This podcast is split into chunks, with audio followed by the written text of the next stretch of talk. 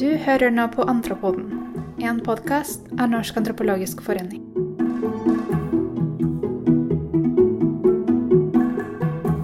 Ja, velkommen til denne nye episoden av eh, Antropoden. Og til deg, Britt Kranvik. Eh, velkommen til Antropoden. Tusen takk skal du ha, Ja. Elisabeth. Ja, veldig Dette her jeg gleder meg til, og at vi skal ha deg som gjest. Du er jo nå professor ved Norges arktiske universitet. Eh, Jeg har jo fulgt arbeidet ditt i mange år, og har jo alltid tenkt at det du gjør med antropologien, eller måten du bruker antropologien på, er eh, fascinerende. For du, du prøver å eh, ikke bare sprenge grenser, men å være litt grenseoverskridende og, og bruke antropologien til å faktisk forandre eh, det fel eh, samfunnet og de, de, med de spørsmålene du jobber med. Så kan ikke du fortelle meg litt først, eh, Britt, hva, hva er det som motiverer deg til å holde på år ut og år ut med å, å bruke den akademiske kunnskapen og fagfeltet til å gjøre det du jobber med, bedre? Ja. Ja, altså, det er jo ikke, det er jo ikke ett eh, Det er jo ikke én motivasjon. Altså, nye motiver kommer jo til underveis. ikke sant? Det er jo liksom eh, Jeg liker ikke så veldig godt å, å kjede meg og gå meg fast, så jeg på en måte ser jo etter nye liksom, innganger og måter som jeg kan jobbe på for at eh, for at jeg kan bli bedre, for at studentene mine kan bli bedre, for at eh, for at akademia kan bli bedre. For at vi, eh, for at vi på en måte kan eh, ta veldig alvorlig på det samfunnsoppdraget som vi har. Det samfunnsoppdraget som vi har i akademia, det har alltid vært viktig for meg. Eh, og det har nok helt sikkert et slags sånn feste i det å komme fra nord. da. Ikke sant? Når jeg begynte å, å, å studere og på universitetet i, i Tromsø, så tenkte jeg at jeg skulle bli økonom, for det var nyttig. Så jeg begynte å lese økonomi og statsvitenskap og organisasjonsteori. Og så, når jeg leste de fagene, så fikk jeg det liksom ikke helt til å stemme. Det, det, det, var, det, var en sånn, eh, det var en sånn motstand i meg, for at jeg følte at de der modellene som jeg fikk tilgang på, dem, de, eh, de passa over ikke hodet med liksom, den virkeligheten som, var, som jeg kjente veldig godt da vokste opp i ei lita eh, bygd i Sør-Troms, og som var for så vidt også kanskje ei bygd med liksom mange hemmeligheter.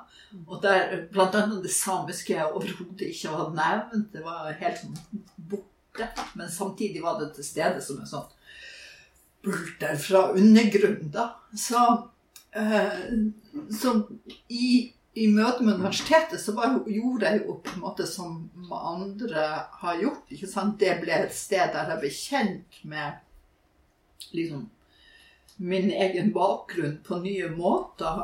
Men så samtidig så ble jeg Så, så var en en lesehest, alltid vært en lesehest. Og når jeg leste på en måte om det nordlige, så stemte det ikke helt. Det var liksom ikke Det var, ikke, det var liksom ikke Det hadde ikke den der eh, Hva jeg skal kalle det for? Den der litt sånn der eh, de, eh, Den pulsen og den der eh, materialiteten og og det livet og det turbulente og det vanskelige var på en måte ikke i tekstene. For det var så rene linjer, det var så klare kategorier, det var så nesten for enkle fortellinger da, om det nordlige. Så sånn, jeg leita rundt, og, eh, og faktisk og den som brakte meg til antropologien, det var en gjesteforelesning av Ottar Brox, som da ikke lenger var i Tromsø, men som kom til Tromsø.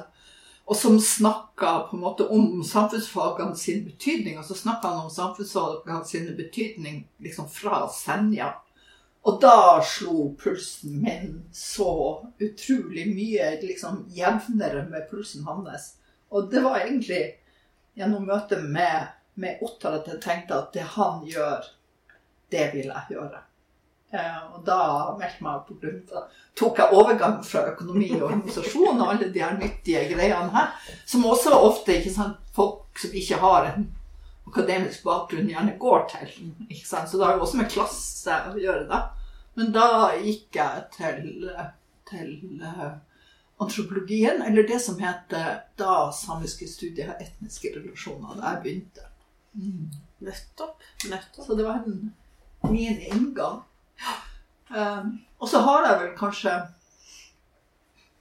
for så vidt også helt siden uh, Altså hele mitt liv så har jeg liksom på en måte vandra Liker jeg helst å, å vandre litt for meg sjøl, da.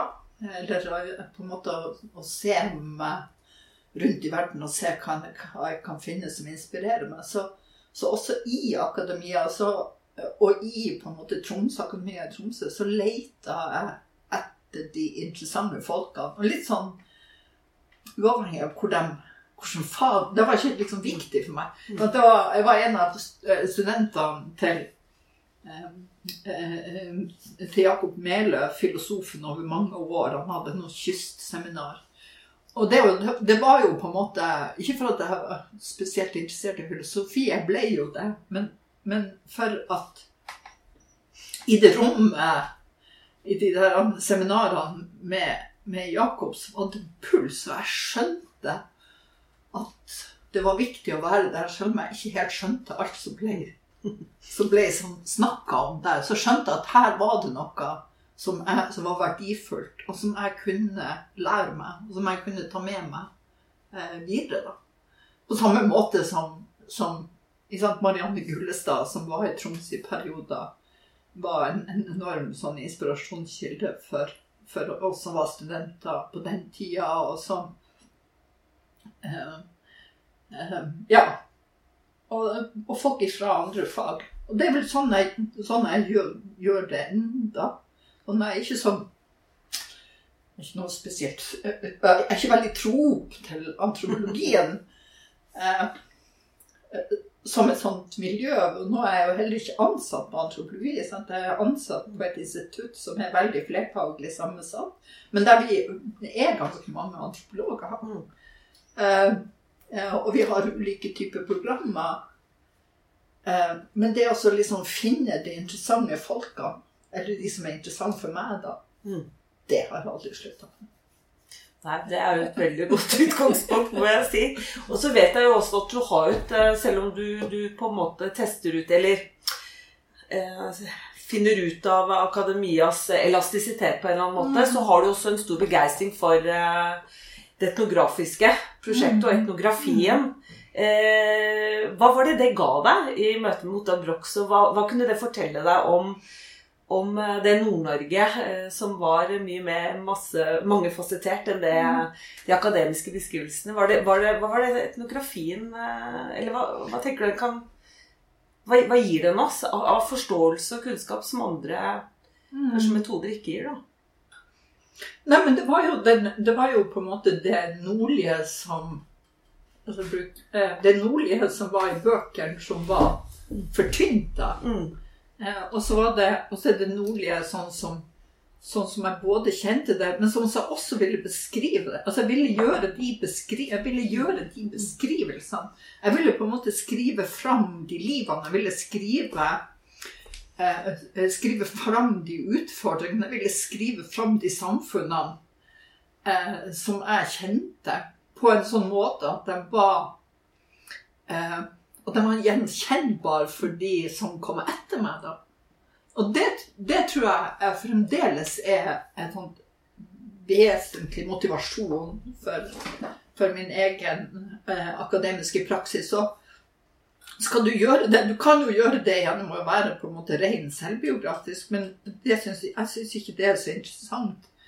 Eh, så måten som jeg gjør det på, det er jo å gjennom å stadig Altså, jeg tenker metodeutvikling eh, er noe av det som er aller viktigst for meg. Det er for, det er for på en måte eh, Det er hvordan vi skal tenke på en måte at vi faktisk skal kunne se verden på nytt. Og på nytt. Altså, hvordan kan du brette på en måte opp en situasjon? Hvordan kan du se relasjoner sånn som de utspiller seg? Hvordan kan du få lov å gjøre dem på en måte mer komplekse?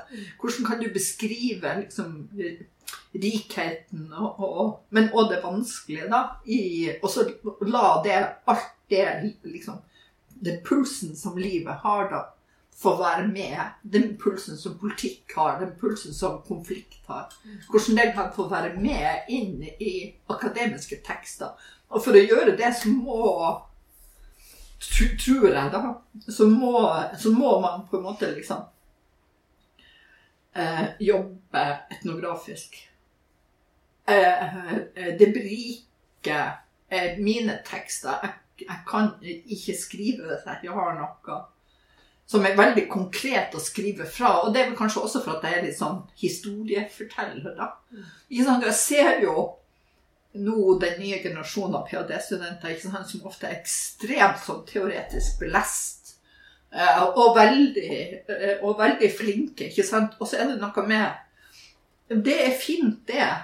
Men ikke sant, hvis det her skal være eh, skal bidra til analyser som faktisk skal kunne liksom delta i å gjøre det samfunnsoppdraget som vi har, da, ikke sant? så må du ha noen byggesteiner der, da, eh, som, som, på en måte liksom, som bringer livet.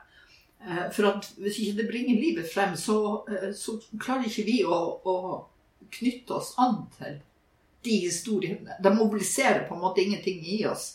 De mobiliserer på en måte ikke politikk. De mobiliserer på en måte ikke engasjement. De mobiliserer ikke kamp for urett.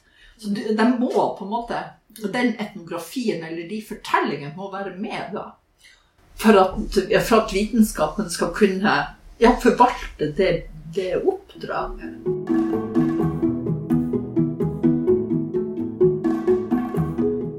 Antropoden er produsert av Norsk antropologisk forening. Følg med på Norsk antropologisk forening på hjemmesiden antropologi.org, det er antropologi.org, og på Facebook. Norsk antropologisk forening Fremtidens antropologi. Det er Norsk antropologisk forening Fremtidens antropologi.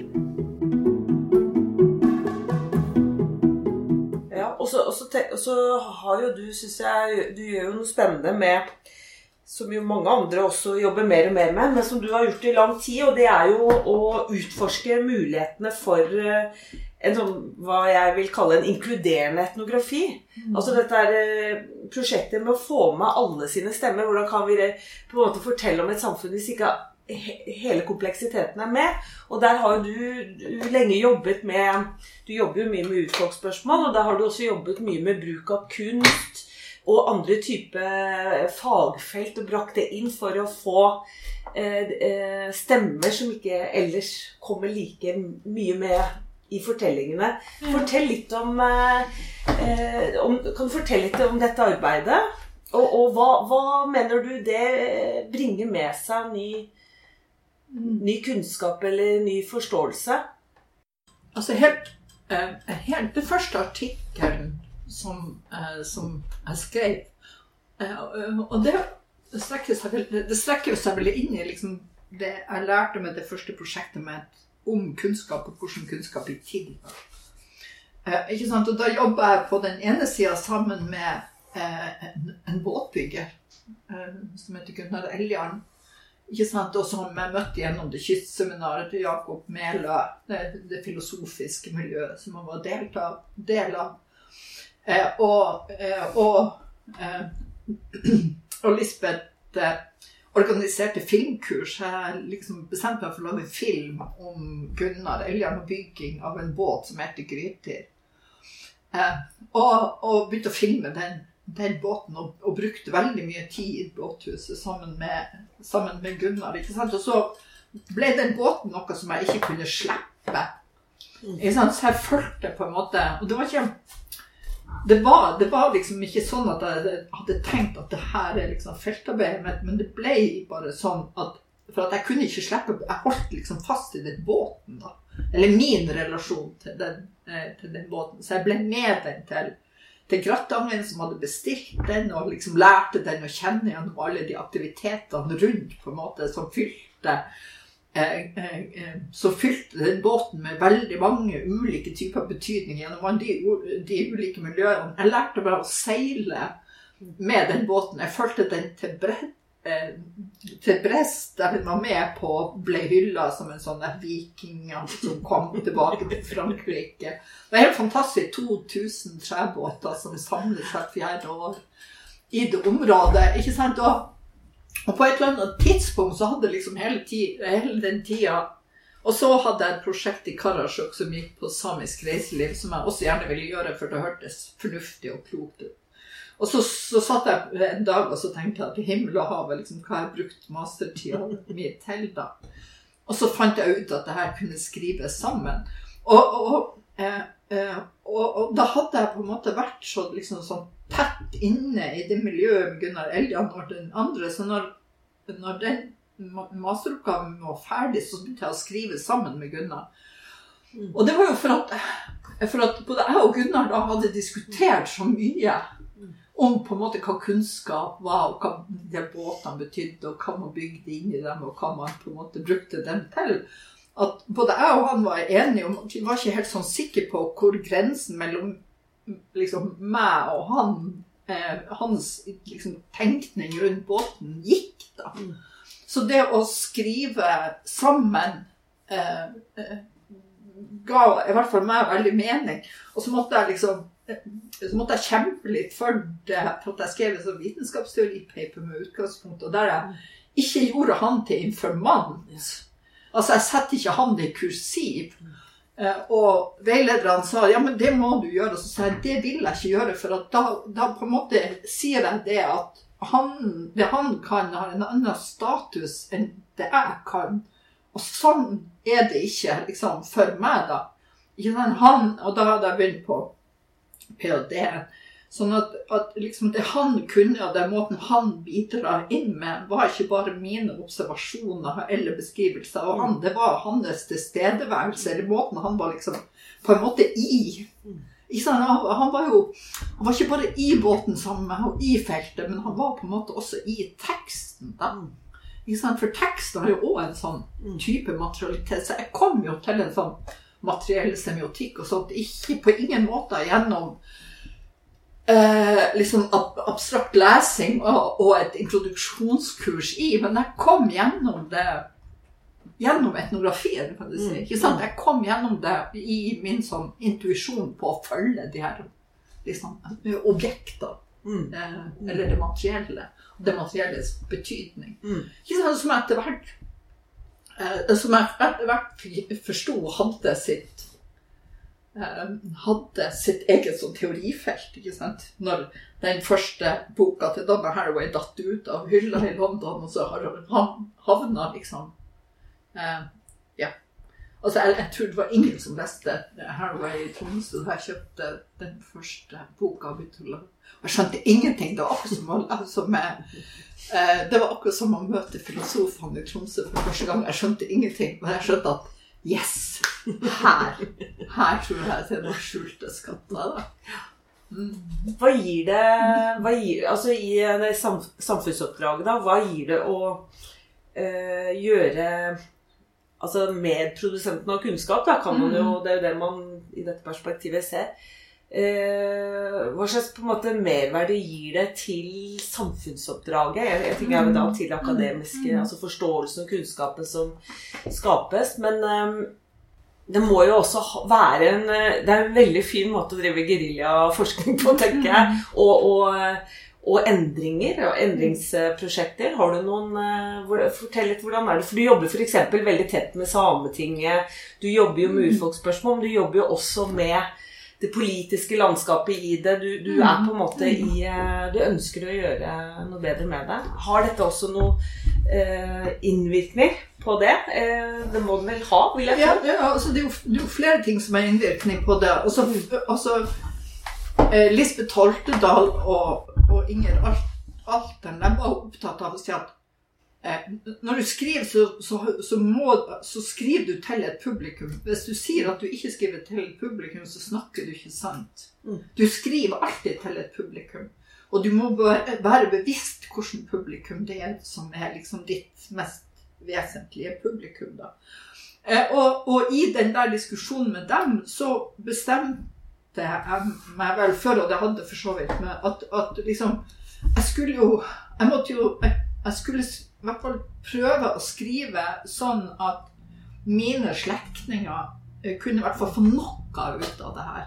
Ikke sant? Sånn at de kunne lese Altså at det var tekster som var åpne, som gjorde at dem som ikke hadde en akademisk bakgrunn, kunne på en måte være i teksten. Sant? De kunne få lov til å være i teksten på sine, på sine måter. Det var jo også eh, med et sånn valg av i forhold til etnografi å gjøre. da. Ikke sant? For at, da må du på en måte skrive fram de gode fortellingene. Mm. Ikke sant? De, og, og du må la du må la teksten være åpen. Du må tørre på en måte å sette deg, sette deg sjøl litt sånn som etnograf litt på spill, da. Og, og være, altså, du må være synlig i en tekst. Materialet ditt må være på en måte synlig i en, en tekst. Og når du på en måte skal skrive så enkelt Det er mye vanskeligere, vanskeligere enn å skrive på, og pakke ting veldig sånn inn teoretisk, for at du kan liksom skjule også ditt eget ansvar.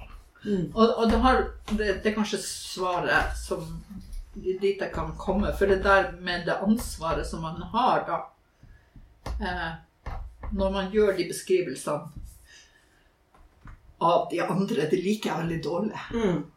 Det, det, det er på en måte Det, liksom, det, det stritter helt, det helt i meg. Så jeg, liksom det å tenke om kunnskap som relasjonelt, altså noe vi bygger sammen, og så stadig Og så har jeg liksom altså Nå har jeg, har, nå har jeg jo eh, sånn publiserings- og prosjekter der jeg skriver sammen med, sammen med samiske kunstnere, f.eks.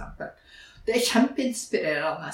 Ikke sant? Vi har, eh, har et prosjekt som heter Okta eh, kunst og sosiale fellesskap, som handler om, om den samiske kunsten sin liksom, samfunnsordnende, og hvilken type samfunn eller hvilken type fellesskap du lager.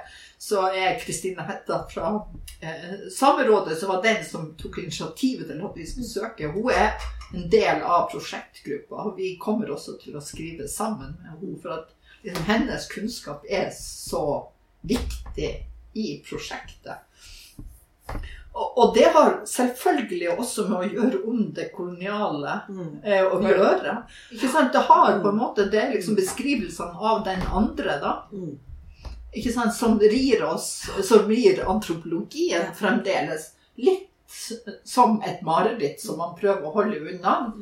Eh, og særlig i urfolkssamfunnene, og, og for så vidt også blant mange urfolksstudenter, ikke sant? som gjerne gjør da antropologien til den der Ok, men det, det skal man i hvert fall ikke gjøre. ikke sant? Så, så, så hvordan inndrar man eh, da eh, å prøve å utforske andre måter? Eh, å være eh, ansvarlig til stede Mm. eh, som kunnskapsaktør på en måte i et felt eh, der det er enormt stort behov for, for kunnskap. Og så sitte og skrive noe om samisk design. Det, det har ikke vært skrevet noe om samisk design. Ikke sant? Det har ikke det. Eh, og så er jeg liksom eh, interessert i og opptatt av at ting skal være transparent.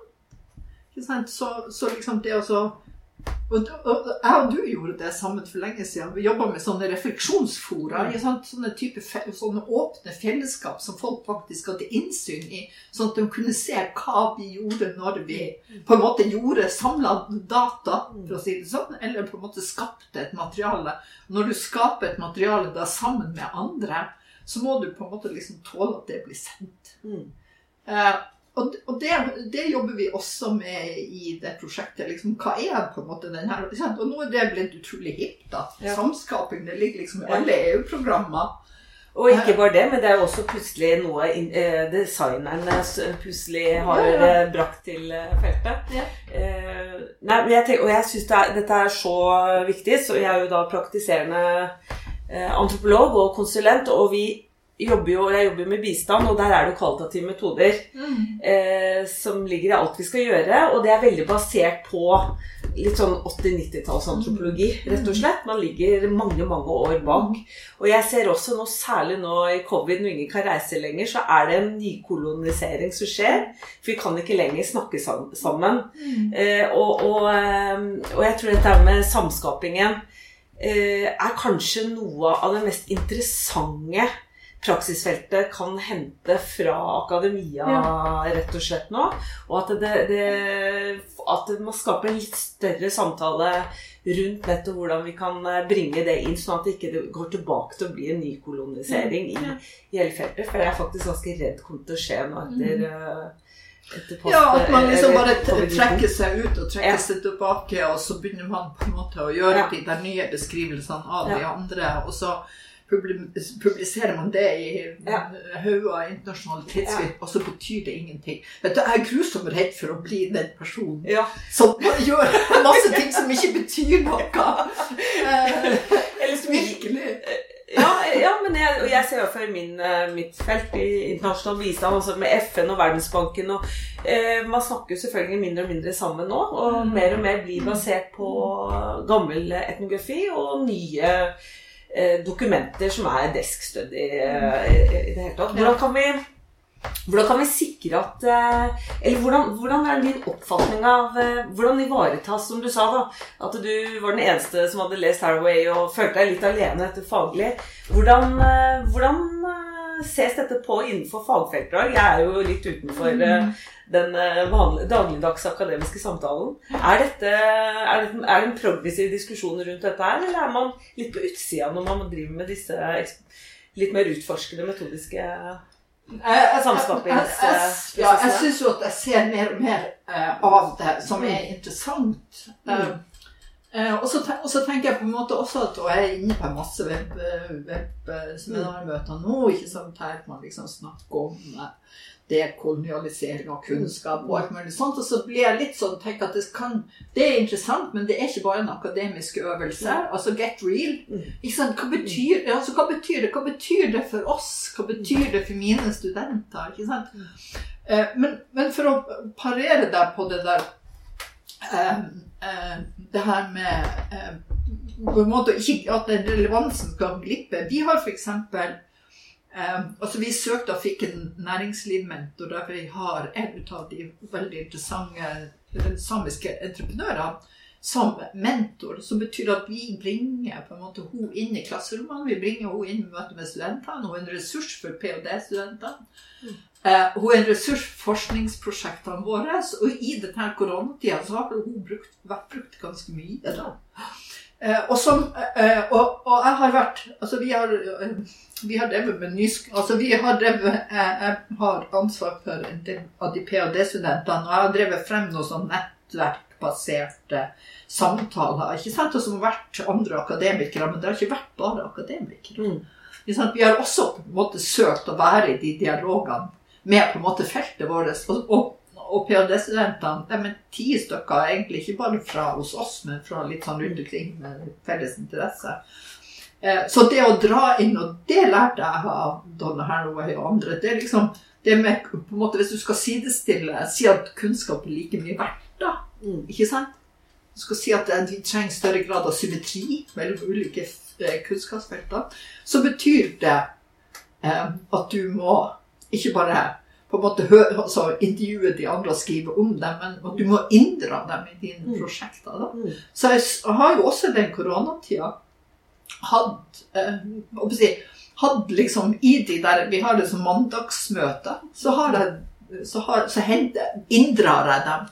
Altså jeg inndrar dem og på en måte og gir forslag til studentene mine, ph.d.-støtene mine, og hvordan eh, de kan lage litt mer sånn så håper jeg, tjukke, gode eh, eh, relasjoner som, som, begynner i denne tida og som da kan ekspandere mer når den tida kommer at vi eh, kan liksom reise på en måte på besøk og ut i, ut i etnografien. Men du kan begynne å bygge de relasjonene eh, gjennom sosiale medier og alle de plattformene som vi har tilgang på. Så, så, så jeg, jeg, ser poenget ditt, men jeg tenker at det er også det, det er også kanskje en mulighet å demme litt sånn opp.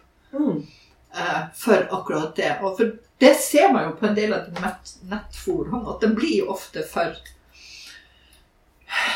Ja, altså det er eh, det er akademikerne der, og så er det politikerne der, og så er det noen konferanser der som skal liksom bringe det her sammen. Men, men de der mindre liksom lette geriljaenhetene, Elisabeth, som jeg vet at både jeg og du liker veldig godt, de kan, trenger ikke være sammensatt av bare liksom akademikere. De kan være mer mangfoldig sammensatt. Og det å jobbe med kunstnere er jo, og særlig samiske kunstnere, er for meg ekstremt eh, inspirerende. Også for at de leder an nå, tenker jeg. Også i tenkning, altså i forhold til på en måte liksom tenkning rundt hva den samiske verden er, hva den består av, i på en måte forskningsprosjektene, i på en måte artikuleringen de gjør. Tenker jeg at det er liksom Der er det virkelig Det er liksom Jakob Melhus kystseminar. at Der er det utrolig spennende og inspirerende å være. Og det er ekstremt mye for meg å lære. da. Mm. Tusen takk skal du ha, Britt. Dette har vært veldig uh, inspirerende samtale. Så gleder vi oss til å se uh, mer av tekstene og arbeidene dine framover. Og tusen takk for praten. Takk skal du ha.